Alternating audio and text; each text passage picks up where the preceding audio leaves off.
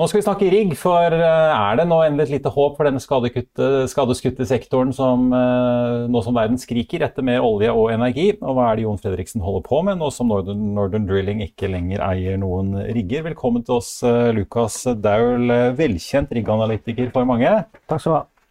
Ja, Skal vi ta Northern Drilling først? Det ble jo etablert i 2017 som jeg vet ikke om man kan kalle det spin-off fra Sidril, ja, men de skulle i hvert fall satse på uh, liksom værharde eh, markeder i, i, eh, på en måte Arktisk og Nordsjøen.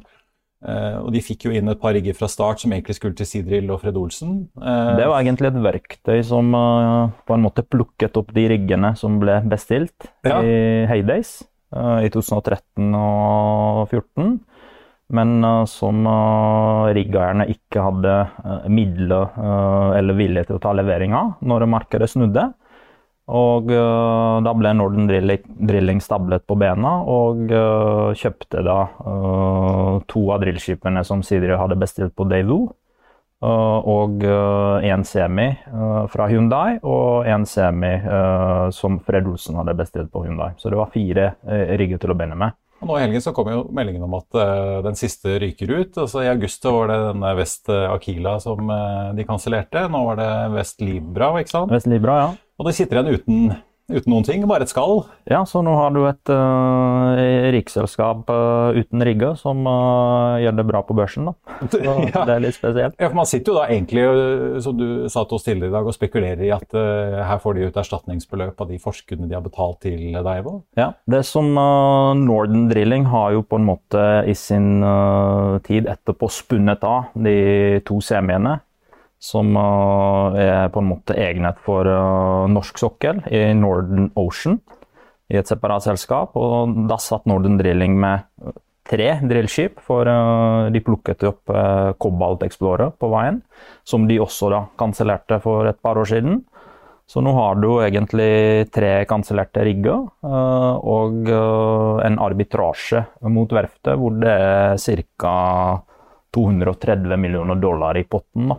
Ja, for hvor mye utgjør altså, Hvis man ser på Ja, det er liksom 230 millioner, eh, millioner dollar. Det er jo nesten 2 milliarder kroner med dagens kurs. Ja. Eh, men aksjen til, eh, til, Northern Drilling ligger jo på ja, Den har jo steget fra 13,24 på fredag opp til 16,2 i dag. Ja. Men det er jo fortsatt langt under de verdiene som ligger der hvis de får ut ja, rundt 2 milliarder kroner. Da. Ja, ja, det er jo klart at uh, det ligger jo langt unna. Og hele, uh, hele caset da handler om hva man tror om, uh, om den arbitrasjen. tør, du, tør du liksom å legge en sannsynlighet på det der selv, eller er det umulig å vite? Altså det, det, det som er 100 sikkert, da, det hadde kommet til å ta lang tid. Ja. Uh, for det er ikke noe quick fix? her blir dette, er ikke noe, dette er ikke noe quick fix. Uh, det har det i hvert fall ikke vært i de tilfellene som vi har sett tidligere. Eh, så det kommer til å sannsynligvis ta et par år, vil jeg gjette. Uh, og så blir det da opp uh, til en dommerpanel i London til å avgjøre hvem som har de sterkeste argumentene for, for, sin sak. Da. så man må liksom smøre seg med tålmodighet og vente. Jeg tror at det vi har sett uh, vi har sett flere tilfeller hvor uh, riggeierne har gått og kansellert uh, rigger uh, som de har bestilt. og jeg ville si at i de fleste tilfellene så har de gått seirende ut av de sakene. hvor de da typisk hadde hevdet at riggene var forsinka og de var ikke levert til avtalt tid.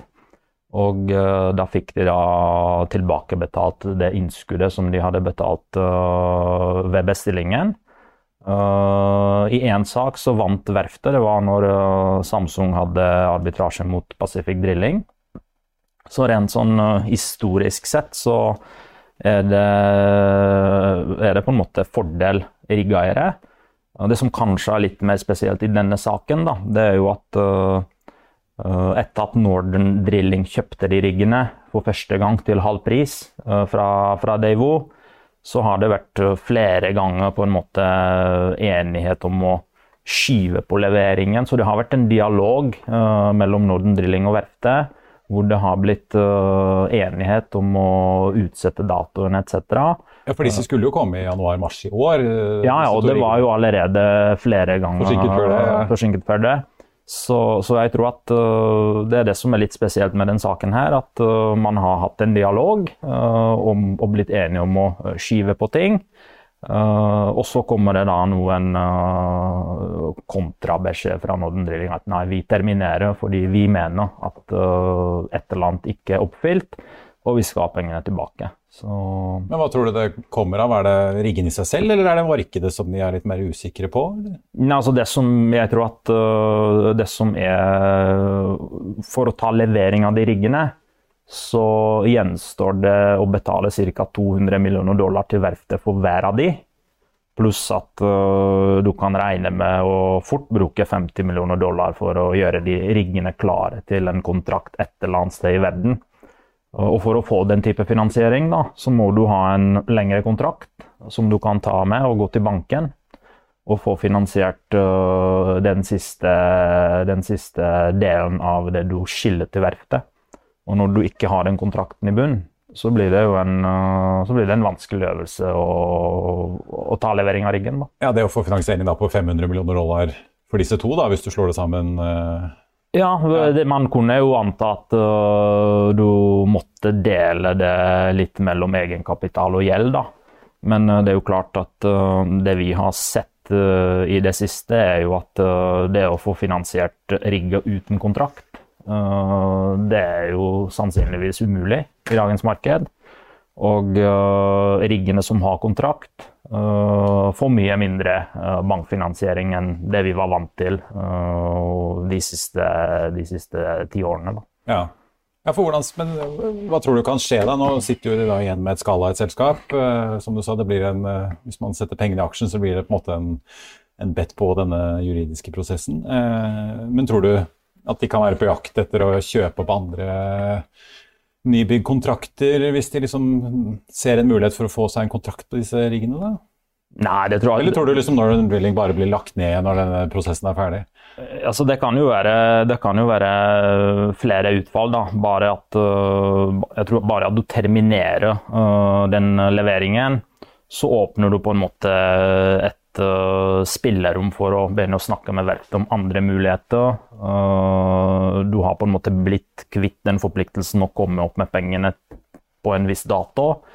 Så det, det kan hende det, det, er dialog, og man kan sikkert tenke seg å kjøpe de riggene til enda lavere pris. Men uh, til det må du ha penger, for det er jo 15-20 millioner dollar liggende i Northern Drilling, og så billig får du dem ikke. Nei. Så. Altså, nå, hvordan ser, ser, dette markedet ut? da? For Du sier at man trenger kontrakter. Men er det noen lyspunkter nå for noen av disse segmentene, enten du ser på boreskip eller eh, tradisjonelle jackups eller flyterigger? Er det, er det noen bevegelse? Det var jo mange som satset på at dette skulle liksom i 2000, ja, at vi skulle begynne å komme opp igjen etter den der veldig oljepriskrekken i 16. Så så vi ikke det. Er det noe som tegn nå til at nå begynner å lysne litt, eller? Ja, så det var Risikoappetitten var jo der i 17. ikke sant? Da, det var da Norden Drilling eller Borr eh, eller andre ble stablet på bena. Eh, så da trodde man at eh, man var på vei ut av sykelen, og så ble det da uh, slått ned igjen av fallende oljepris, og så kom uh, korona. Og uh, det gjorde da at uh, du hadde nesten uh, kollektiv konkurs for hele bransjen. For det er jo bare et fåtall selskaper som ikke måtte restrukturere. Og da har vi på en måte gjort første delen av det som har vært utfordringen når vi gikk inn i den nedturen. Og det var, det var to ting. Det var, mange, det var for mange rigger, og det var for mye gjeld. Store deler av gjelda har man blitt kvitt i chapter 11. For eh, de aller fleste selskapene som har blitt eh, restrukturert, de har konvertert all gjeld i egenkapital. Så av de 36 milliardene gjeld som riksselskapene hadde før denne nedturen, så er kanskje halvparten og vel så det borte. Uh, og det andre problemet altfor mange rigger. Det har blitt skrapt en del. En god del. Så nå er egentlig spørsmålet hvor er den nye balansen i forhold til hvor mange rigger trenger man? for å forsyne verden med nok olje fra offshore. Da. Og der kan man si at aktiviteten har sannsynligvis bundet ut. PT så har man fortsatt en viss overheng. Men hvis man da antar at etterspørsel fortsetter å komme tilbake, og at oljeselskapene øker spenningen sin på, på offshore, eh, så kan eh, noen av de riggene som har vært på sidelinjen, eller som aldri har forlatt verftet, eh, de kan finne arbeid. Og så blir, blir spørsmålet om de finner arbeid til rate som er på en måte bærekraftig på sikt. Da. Ja. Ser det sånn ut nå? Nei, jeg ville si at uh, for øyeblikket så er man ikke der. Fordi på de, si de beste flyteriggene så har kanskje ratene vært på 250 på norsk sokkel og 300 000 hver dagen, eh, mot en oppvekst på 150. Eh, men det som har vært, eh, eller er, viktigere enn selve raten, det er utnyttelsesgraden. Og det er da at riggen jobber hele tiden. fordi har du en tre måneders hvor du jobber, men så har du pause på tre, måneder ja. før neste, så kan du nesten si at uh, du har brukt opp de pengene du har tjent på den første kontrakten før du kommer i gang uh, med den neste. Og det er jo det som har kjennetegnet oppsykelen i 2012 etc. At du hadde lange kontrakter på riggene og du hadde høy utnyttelsesgrad. Og det hjalp deg til å, å presse opp ratene. Så der, der, er man ikke ennå. Og det må, det må, på en måte være den utviklingen for at uh, man får litt sterkere forhandlingsposisjon uh, etter at man har på en måte vært uh, i en veldig svak posisjon siden 2014-2015. Ja. Er det noen tegn til at liksom oljeselskapene Det har jo vært snakket om at det har vært underinvestert veldig mye de siste årene. Ser du noen tegn til at de vil hjelpe, eller handler dette om at flere gamle rigger må skrotes? Ja, jeg er litt usikker på om oljeselskapene vil hjelpe. ja, De driver jo ikke veldig det. De, driver ikke, de driver ikke med veldedighet. Uh, om de, om de, øker antall brønner, det blir på en måte Spørsmålet blir uh, hvis, uh, hvis, man tjener mer penger med økt oljepris og gasspris, da, hvor bruker man de pengene? Og uh, jeg tror at uh, i fjor så hadde kanskje alle sagt at uh, de pengene skal brukes på fornybare prosjekter, som mange oljeselskaper på en måte konverterer til. Eller i hvert fall ha en bredere portefølje av, av prosjekter. mens nå, når vi snakker om energikrise eller store underinvesteringer, så kan det være naturlig å spørre seg hvor mye olje trenger vi, eller hvor skal den oljen komme fra. da. Og da, da, er det store spørsmålet er den ekstra oljen som vi trenger. Hvor skal den komme fra shale? Skal den komme fra offshore? Eh, eller hvor skal den egentlig komme fra? Fordi hvis, skal, hvis, den skal komme fra offshore, så blir man nødt til å øke aktiviteten offshore. Og da tror jeg det er naturlig å tenke seg at uh, da øker man først uh, i de områdene hvor du har infrastruktur, uh, hvor du kan få på en måte de fatene veldig raskt uh, på plass, hvor du får en uh, økning i produksjonen relativt raskt. For jeg tror at uh, det er fortsatt slik at appetitten for å bruke et par hundre millioner dollar og bore en tørr brønn et eller annet sted Ute i Barentshavet eller på vestkysten av Afrika den tror jeg er fortsatt veldig liten hos eh, de oljeselskapene som har dratt eh, dette lasset fra 2007 til 2014. Nå, jo, eh, nå ligger jo Sider i land til å komme seg ut av chapter 11, de òg. Det skal være en høring nå i slutten av oktober. Samtidig har vi sett Jon Fredriksen selge seg ned i Sider. Da tror du det bare er på en måte litt sånn uh, ta penger av bordet i og med at kursen har vært relativt uh, mye høyere enn det aksjonærene ser ut til å sitte igjen med, eller er det, prøver han å redusere eksponeringen sin, tror du? Nei, det tror jeg er ren matte, hvis jeg skulle uh, på en måte tenke på det. Fordi den løsningen som har blitt forespeilet i chapter 11, er jo at dagens aksjonærer blir sittende med 0,25 uh, av ny egenkapital. Og hvis du da tar at dagens market cap på rundt 20 millioner dollar blir verdt det, så har du en implisitt market cap på kanskje 100 milliarder kroner. Og det gir, det gir, jo ikke mening. Så jeg tror at han ser det, og så uh, selger han. Og han er jo kommittert til å stille opp med et konvertibelt gjeld uh, i det nye selskapet, så han bruker heller de pengene på den måten. Kommer inn igjen senere. tenker jeg. Ja.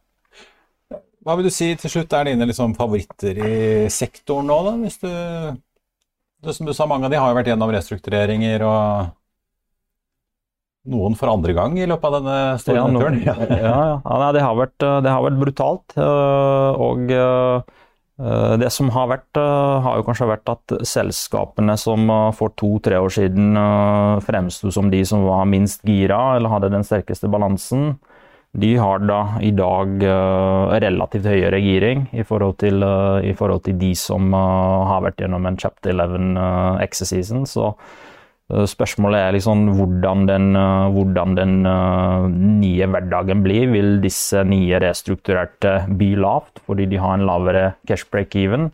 Eller vil de på en måte hjelpe å dra lasset og presse ratene oppover? Og det tror jeg kommer til å koke ned til at, uh, uh, du kommer i den situasjonen hvor vi ikke har vært på lenge. Og det er jo rett og slett at du trenger flere, liggen, flere rigger enn de som er tilgjengelige.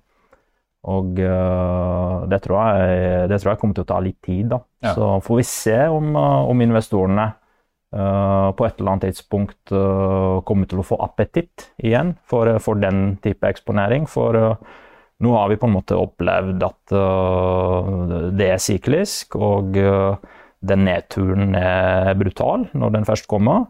Og når du først har en rigg som ikke har arbeid, så koster det fryktelig mye penger hver eneste dag den ikke jobber. Og uh, da, må du, da, må du, på en måte være forberedt til å bridge den, uh, den, den nedturen. Og det har vist seg å være veldig vanskelig. Holde koken. Ja, men er det, er det sånn å tolke det at det er disse selskapene som har vært gjennom Chatter 11, Sidril, Noble og andre som du føler står egentlig sterkest, da?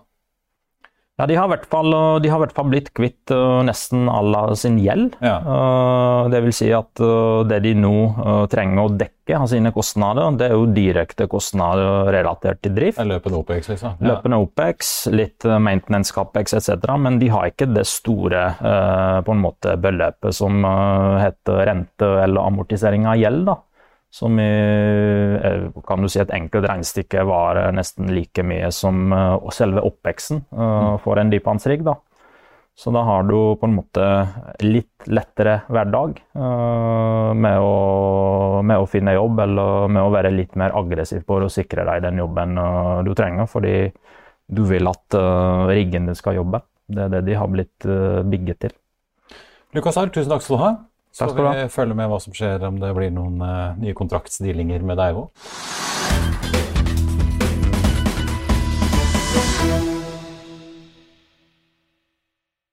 Økonominyhetene er en podkast fra Finansavisen. Programledere er Marius Lorentzen, Stein Ove Haugen og Benedikte Storm Bamvik. Produsenter er Lars Brenden Skram og Bashar Johar.